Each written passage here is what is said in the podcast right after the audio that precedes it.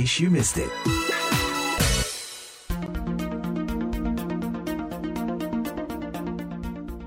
Kita bertemu lagi dalam In Case You Miss It, VOA Washington DC. Saya Madeoni. Nominasi Festival Film Indonesia 2020 baru beberapa hari lalu diumumkan. Puncak perhelatan akan dilaksanakan awal Desember mendatang, tapi di tengah situasi pandemi, pelaksanaan FFI dan malam penganugerahannya tahun ini tentu akan berbeda. Kita akan berbincang-bincang dengan Ketua FFI 2020, Lukman Sardi, yang juga aktor papan atas di tanah air.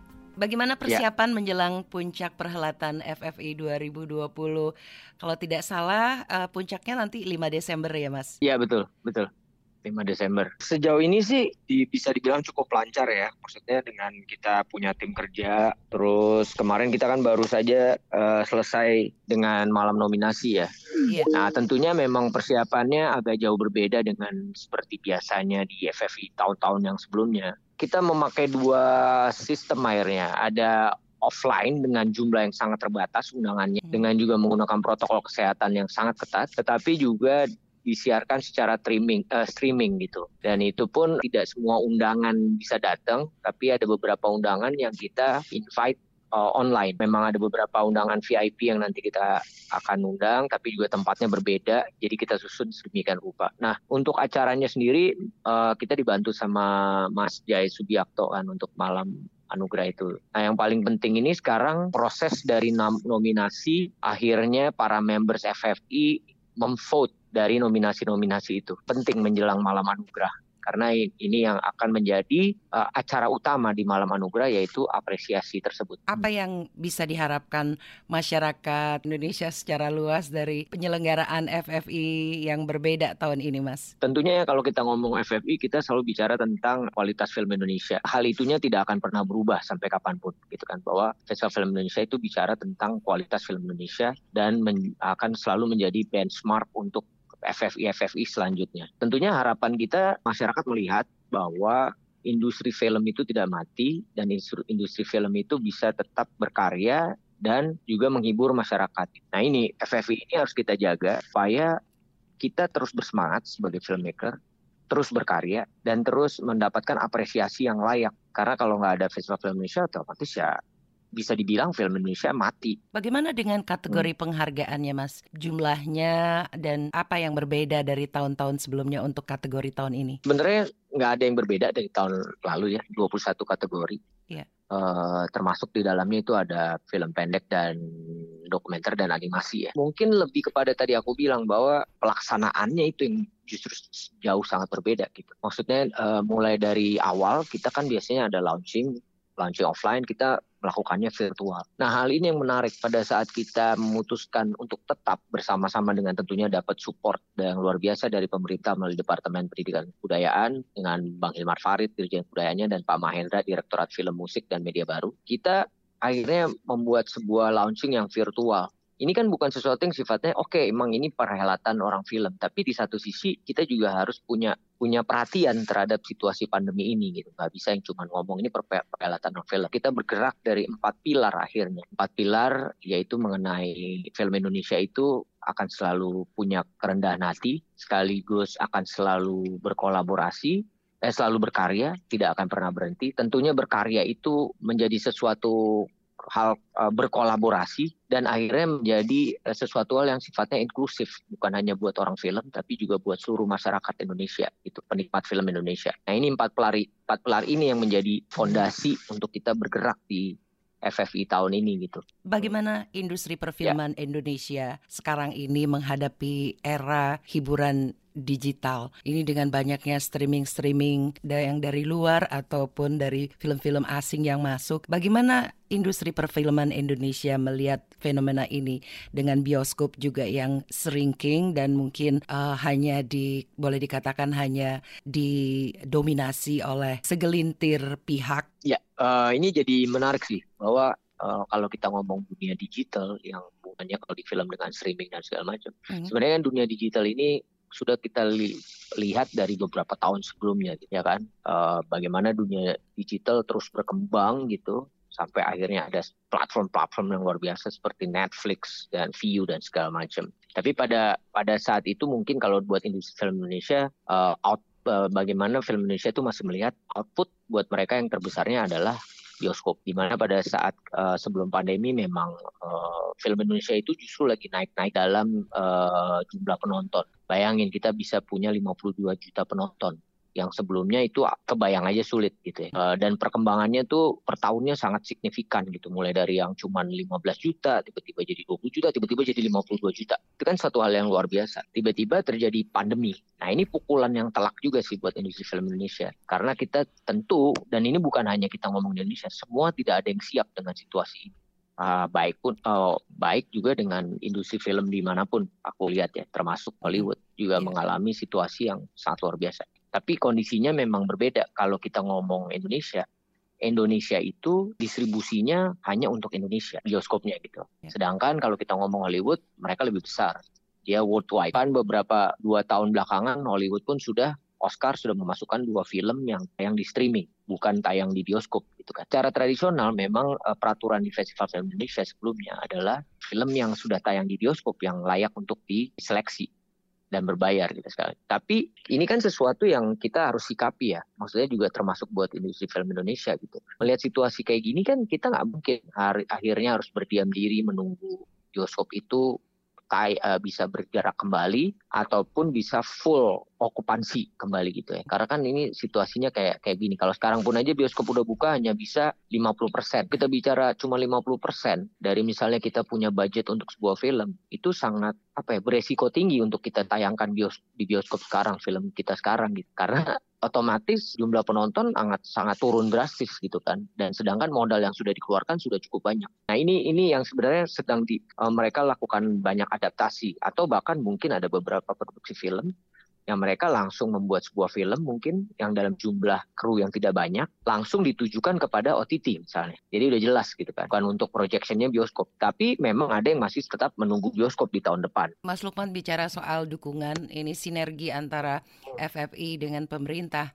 Apakah ada ya. rencana untuk menciptakan satu platform streaming menampilkan karya-karya uh, perfilman mungkin pemula dengan dengan layanan yang bisa dinikmati uh, lebih murah uh, katakanlah sub subscription yang lebih murah untuk seluruh masyarakat Indonesia yang bisa menjangkau. Apakah ada kemungkinan ada ke depan sinergi semacam ini dari FFI dan pemerintah? Kemungkinannya akan sangat ada sekali ya. Maksudnya pemerintah juga melihat kan bahwa yeah situasi seperti ini. Tapi di satu sisi yang menarik udah juga banyak ada beberapa dari teman-teman PH bahkan dan hmm. juga ada dari pema, uh, ada uh, mereka membuat platform yang sangat murah. Hmm. Kalau di Indonesia itu ada uh, Visinema membuat platform yang namanya bioskop online. Mereka bisa menonton film-film Indonesia yang berkualitas, yang bagus, dengan nilai yang sangat murah, cuma 5.000 atau berapa gitu. Termasuk nih sekarang baru launching namanya Indie Home Cinema, di mana disokong oleh uh, Telkomsel kalau nggak salah. Tayangan streaming juga yang uh, yang fokus kepada tayangan-tayangan film-film Indonesia. Sebenarnya dari aku pribadi personal, sebenarnya aku uh, selalu kepikiran untuk membuat sebuah kanal atau ataupun platform yeah. yang kita bicara tentang uh, let's say uh, dari platform itu kita bisa melihat perjalanan film Indonesia kasar. Karena platform itu akan ada ada film-film Indonesia. Let's say gini, kita misalnya dari FFI sendiri itu kan sebenarnya asetnya luar biasa ya. Asetnya sangat luar biasa. Kita dari kita hitung deh pemenang FFI dari beberapa tahun yang lalu itu berapa banyak film-film yang bisa dibilang itu film-film berkualitas karena dia uh, ada di Festival Film Indonesia kan. Nah kalau film-film ini bisa kita jadikan uh, punya tempat, menurut aku jadi sangat menarik sekali ya. Dan di dalam FFI itu kan termasuk ada dokumenter, ada animasi, bahkan film pendek dan film pendek itu kan karyanya banyak sekali setiap tahun yang kita uh, kurasi gitu, bisa ribuan gitu kan. Iya. Cuman di masa pandemi ini aja agak agak kurang. Kalau kita kumpulin berapa banyak film, tentunya juga bekerja sama dengan si PHPH. Mas Lukman, seorang aktor juga, seorang aktor yang boleh dibilang ya. sudah disegani dan senior. Bagaimana Mas Lukman ini memandang dunia peran dunia peran di Indonesia? Selebriti perfilman dibandingkan dengan selebriti yang sekarang ini muncul. Tidak perlu jadi artis tidak perlu jadi uh, pemeran utama atau pemeran pembantu sudah sudah menjadi selebriti yang muncul era digital ini misalnya influencer gitu. Bagaimana Mas uh, Lukman ya. memandang dunia peran di Indonesia Kalau aku sih ngelihat segala sesuatu aku coba pelajari. Maksudnya nggak yang cuman wah dia dari kayak gitu aja ngapain dia bisa langsung gitu. Kita nggak boleh melupakan bahwa dunia mengarah ke sana gitu. Dan misalnya ada muncul-muncul yang akhirnya selebriti dari digital atau ya youtubers atau yeah. apa itu kan muncul karena ada yang beli kasar. Dan, dan ini kan menurut aku nggak hanya terjadi di Indonesia, even di Amerika tiba-tiba cuma gara-gara TikTok mereka jadi terkenal. TikTok joget-joget tiba-tiba jadi selebritis gitu. Tapi iya, betul. itu dunianya seperti itu sekarang gitu. Iya. Nah, sekarang aku menyikapinya kalau dari sisi aku misalnya, gue punya tanggung jawab terhadap profesi gue. Berarti caranya adalah gue harus menjalankan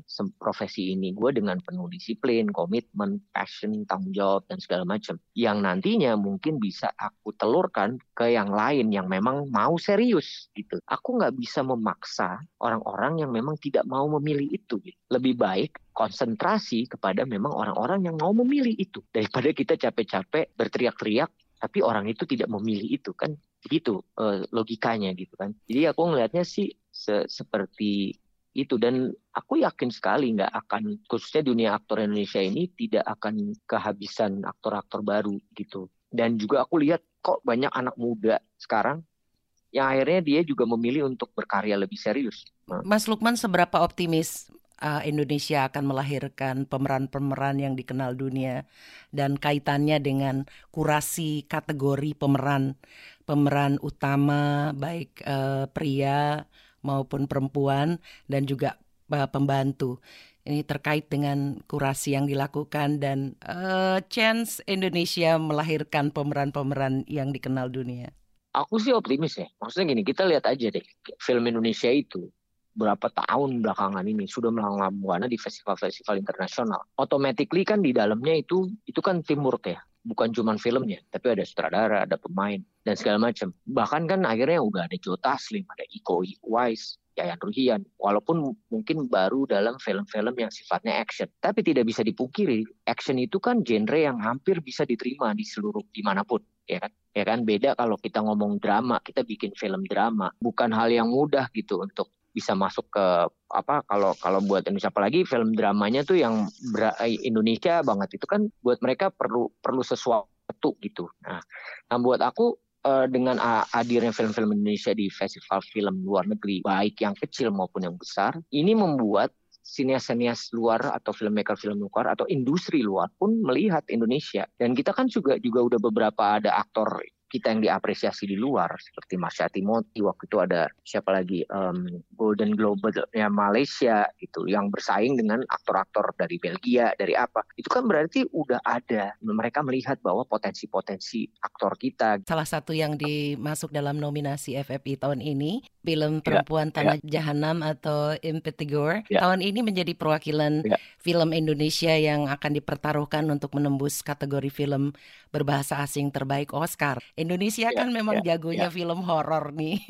Dan kali ini yang dipilih yeah, memang yeah. film horor. Sudah berhasil tembus ke berbagai festival film internasional, salah satunya Sundance.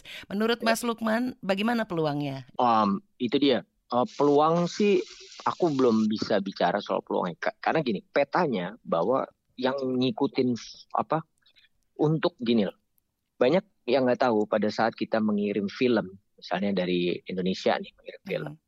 Itu nggak cuma sekedar ngirim film gitu aja ada budget lagi yang harus dikeluarkan untuk promote this film di sana kepada juri-juri yang ada di sana. Hmm. Mereka harus mengadakan screening-screening juri-juri. Jadi harus ada biaya istilahnya biaya tambahan untuk itu gitu. Dan kak rata-rata tuh kalau yang misalnya di luar dari misalnya waktu dari Perancis mereka mungkin udah bisa punya budget yang gede untuk ngelakuin itu karena kan Oscar itu jurinya banyak ya gitu kan dan bagaimana kita bisa mempromosikan film kita di sana untuk akhirnya mereka tonton film itu. Kian banyak film uh, asing gitu. Film perempuan tanya jana menurut aku layak.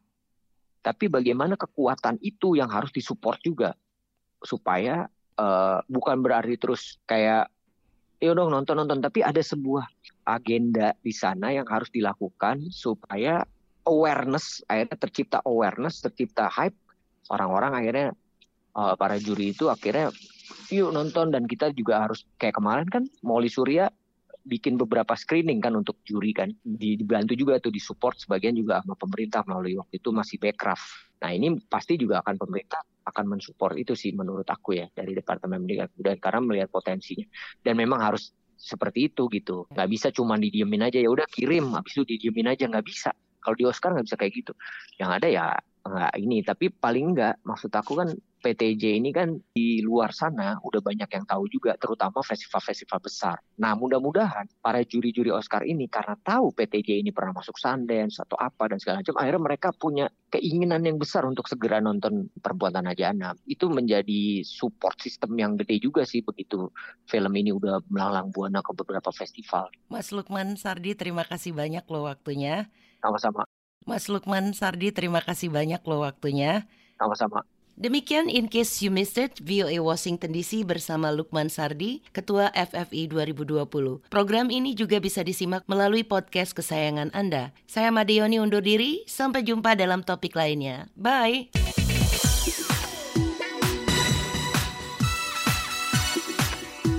In case you missed it.